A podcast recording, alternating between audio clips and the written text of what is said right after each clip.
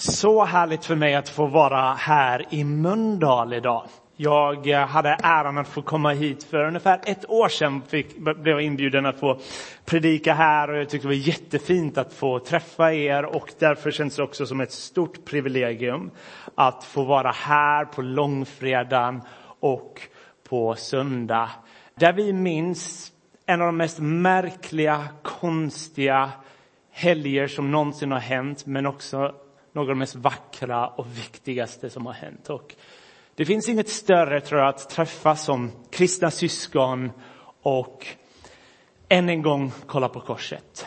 Det ska bli gott att tillsammans få kontemplera, titta, begrunda och se vad Gud har gjort. Innan jag ber vill jag bara läsa ur Matteus evangeliet kapitel 27. Och då står det så här i vers 39 och framåt. Det som gick förbi smädade honom och skakade på huvudet och sa, du som bryter ner templet och bygger upp det på tre dagar, hjälp dig själv om du är Guds son och stig ner från korset. Också översta prästerna och de skriftlärda och de äldste gjorde narr av honom och sa, andra har han hjälpt, sig själv kan han inte hjälpa. Han är Israels konung. Han må nu stiga ner från korset så ska vi tro på honom.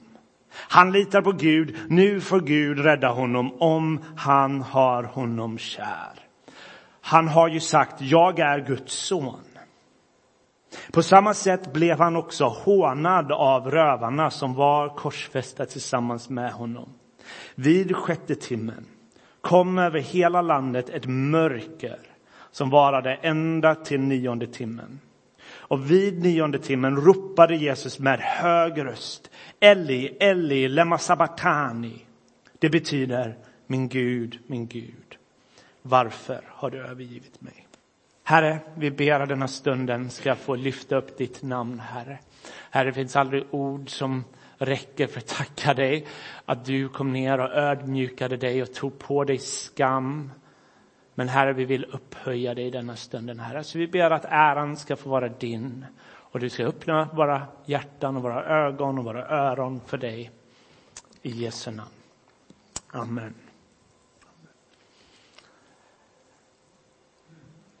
I början av 1900-talet i USA så var det en av de mörkaste eh, historierna av eh, USAs historia kan man säga, en av deras mest mörka minnen. Där afroamerikaner behandlades på fruktansvärda sätt. Eh, det var som att man fick se rasism på en ny nivå. Och en av de värsta sätten som rasism uttrycktes i USA var det som kallas lynchning. Och lynchning det är en egenmäktig rättsskipning där en grupp väljer att döda en person utan rättegång offentligt. Så att folk kan se, så folk kan gå förbi, så folk kan säga saker offentligt framför dessa personer.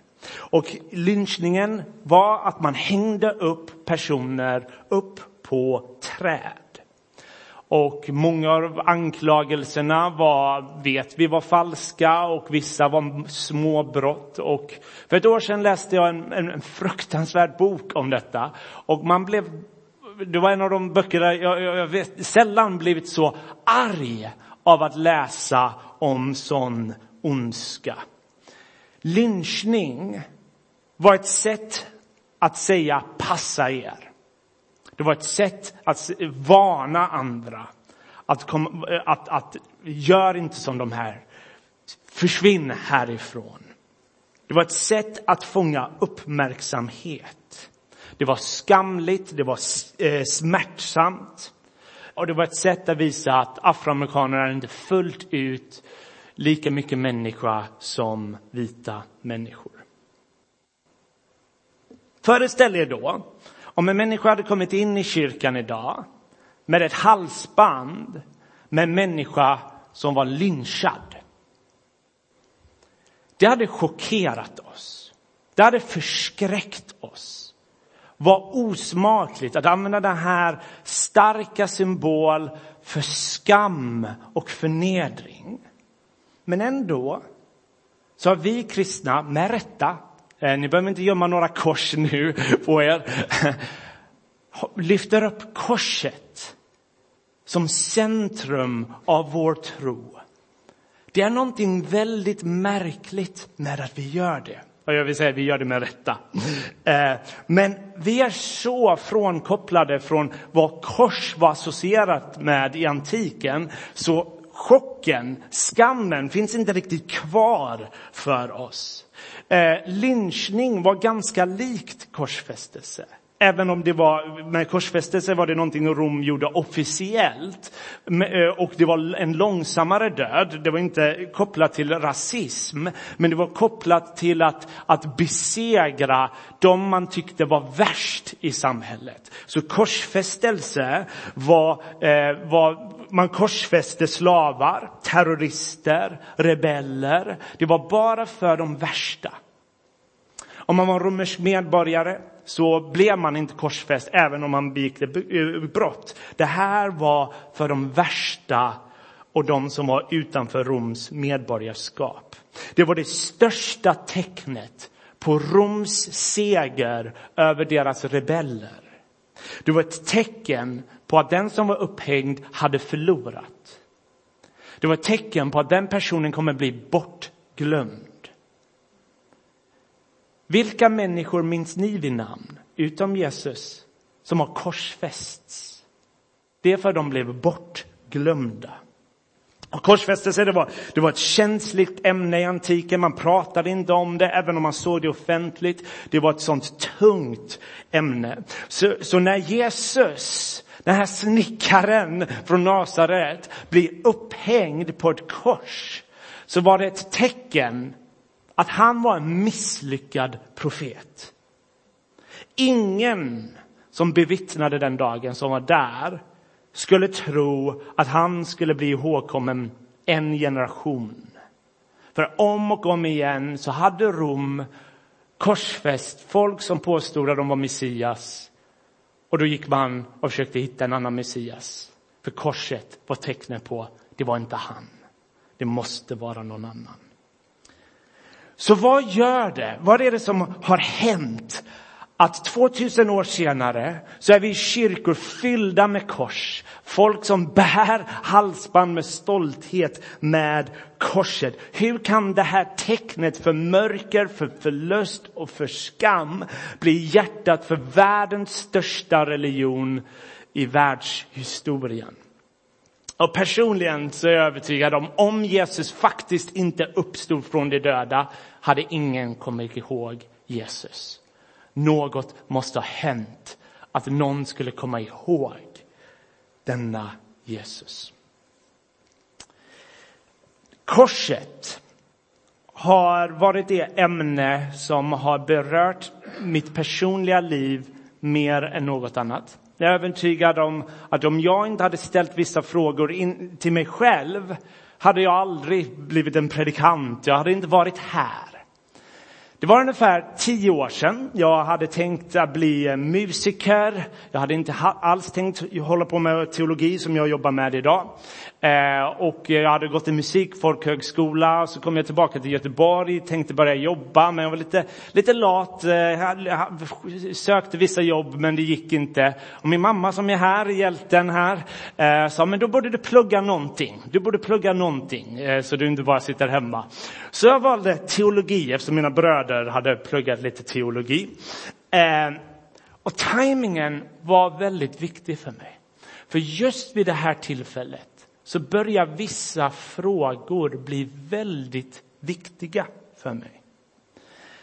För jag förstod vad, på ett sätt vad Bibeln sa. Jag köpte helt och hållet tanken att det stora problemet med människan är inte ekonomi, det är inte mat, även om sådana frågor kan vara svåra. Det stora problemet med människan var synd. Jag köpte det helt och hållet. Jag tyckte det var en rimlig tanke att Gud är helig, att Gud är mäktig, att Gud är god. För mig innebar att min synd var ett problem inför en sådan Gud. För att om Gud ska vara fullkomligt god så kan han inte vara likgiltig och blunda för mörkret, för synden i mitt liv. Så jag köpte helt och hållet tanken att synd var ett problem och jag hade ett problem. Och, och den här tanken med synd, det är för mig den lättaste läran i Bibeln att bevisa att den är sann. Det är bara att slå upp Dagens Nyheter så får vi se vad mycket konstigt vi människor gör. Att vi människor behöver hjälp. Det är därför vi skriver kontrakt, för vi vill inte bli lurade. Det är därför vi låser våra dörrar, för vi, vi vill inte någon ska plötsligt gå in. Eh, det är därför Bibeln säger det här är Guds vision, det där är synd och vi ofta tar det som är synd och vi kallar det frihet. Det är därför vi så ofta vill att Gud ska anpassa oss efter våra tankar, vårt sätt att leva, snarare än vi efter honom. Ständigt så såg jag det här Bibeln pratar om synd var på riktigt. Jag kunde se det i mitt eget liv. Men hur löser Gud problemet? Jag hade alltid hört att Jesus dog för syndare, men för mig var det fortfarande svårt att helt greppa. Eh, är jag verkligen fri? Dog Jesus verkligen för mina synder? Och varför behövde han dö? Varför kunde inte Gud bara förlåta så där?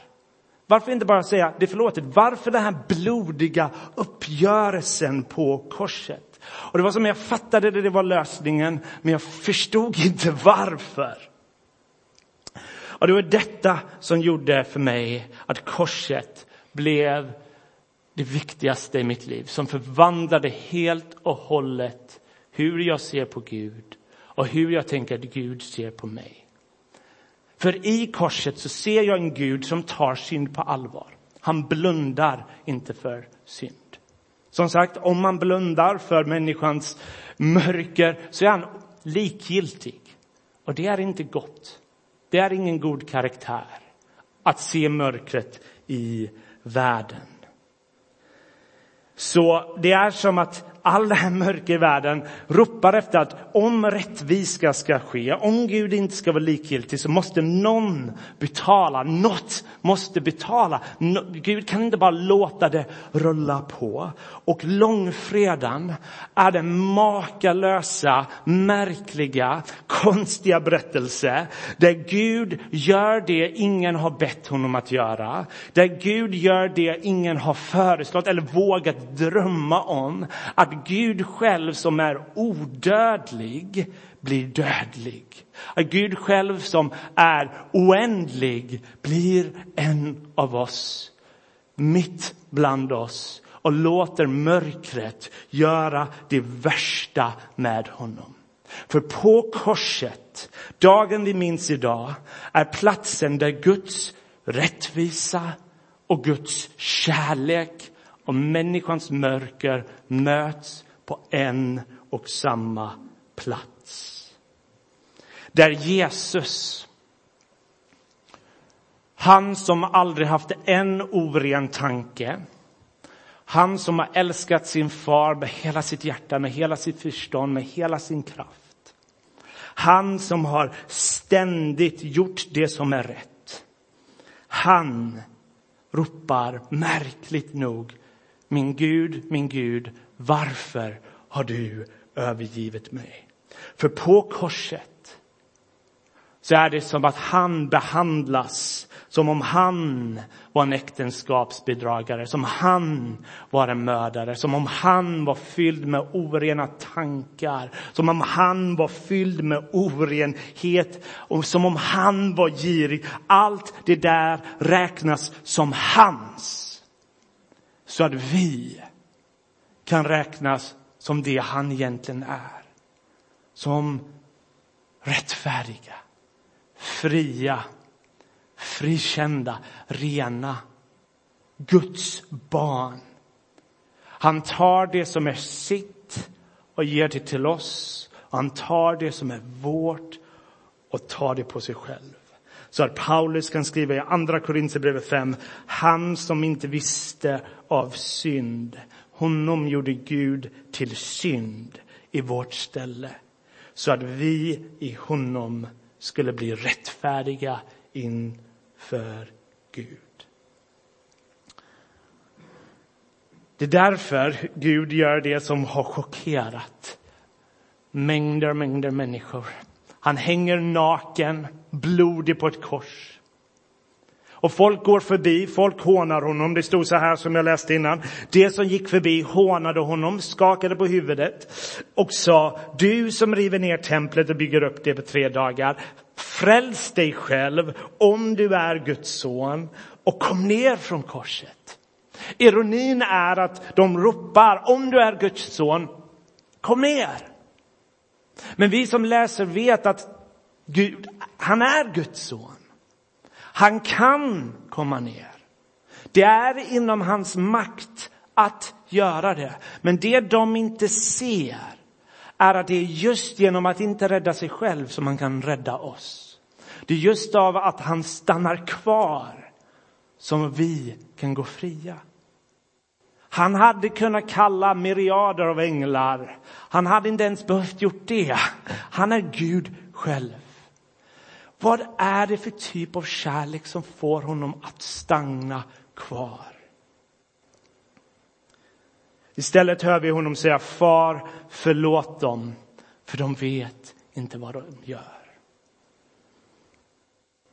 Och senare så står det så här, vid sjätte timman kom ett mörker över hela landet som varade fram till nionde timman. Vid nionde timman ropade Jesus med hög röst, Eli, Eli, Lema sabatani. Det betyder min Gud, min Gud, varför har du övergivit mig? I mitt personliga liv var det denna versen som på ett sätt klickade det för mig. För det var liksom, älskar, är det säkert att Gud älskar mig? Är det verkligen säkert? Hur kommer det sig att han ropar min Gud, min Gud, varför har du övergivit mig? Det är de mest skrämmande orden människor kan säga. Gud eh, har övergivit mig. Och en som brottades med detta var den stora reformatören Martin Luther på 1500-talet. Eh, innan han blev en reformatör och reformerade kyrkan så levde han med djup ångest. Han hade en bild av Gud där Gud väntade på att fördöma honom. Så han gick och bekände sina synder dagen lång och var jättenervös att han hade glömt en enda synd. Och hans bild var att Gud bara väntade på att han skulle glömma någonting så att Gud kunde fördöma honom.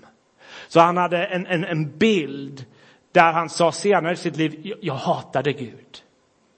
Men han levde i denna fruktan och denna guden som ville fördöma honom.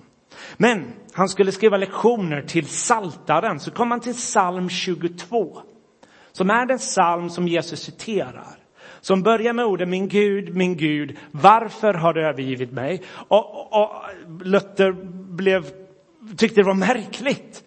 För han kände det här är orden jag upplever. Han blev övergiven av mina vänner, det är så jag upplever.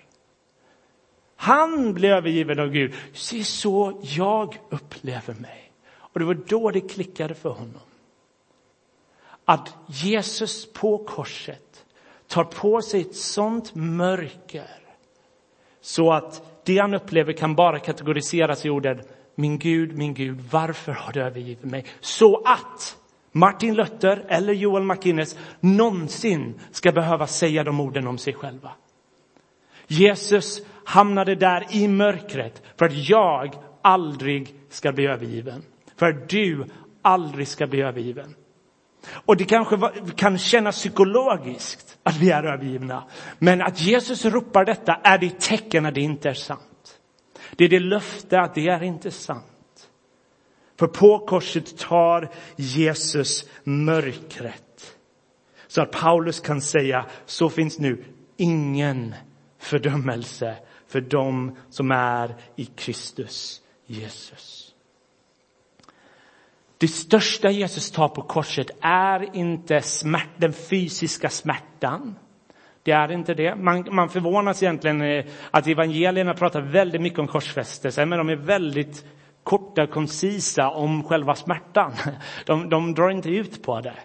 För det centrala där är i slutändan vad Jesus tar på sig andligt, själsligt, ett mörker så ingen ha, kommer behöva göra detta. Och det är därför de afroamerikanerna som blev lynchade såg till korset och såg hopp. De såg en som förstod smärta, förstod mörker.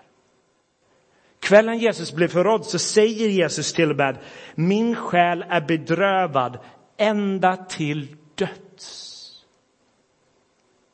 Alltså, härlighetens konung sa de här orden, min själ är bedrövad ända till döds.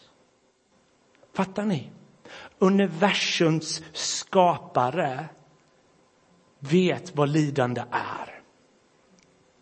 Så om vi har upplevt djup depression, om vi har upplevt att vi är övergivna av vänner, om vi upplevt och tror att vi är övergivna av Gud, kanske till och med kontemplerat självmord, så finns det inget mörk, större, ett mörker som, och smärta som Kristus inte kan förstå. Men i hans sår finns det bot. För i denna mörkaste, mörkaste dag vi minns så lyckades inte mörkret vinna. Mörkret krossades och ljuset triumferade som bär löften till oss alla. Att om vi tror på Jesus så är vår framtid otroligt ljus. Oavsett vad vi är med om i våra liv just nu så är vår framtid otroligt ljus. Och jag vill bara avsluta med Bibelns kändaste verk, äh, vers menar jag. Så älskade Gud världen. Så han sände sin en för det son. Det här ordet så, jag tänker ofta, vi, eh, så i alla fall så jag har tänkt att ordet så betyder kvantitet. Så här mycket älskade Gud världen. Och det hade varit ett rimligt sätt att säga det. Men det grekiska ordet bakom brukar snarare betyda på detta sätt. På detta sätt älskade Gud världen. Det här är Johannes evangeliet. I Johannes evangeliet så är ordet världen alltid ett ord för världen som är i revolt mot Gud. Världen som vill ropa korsfäst honom.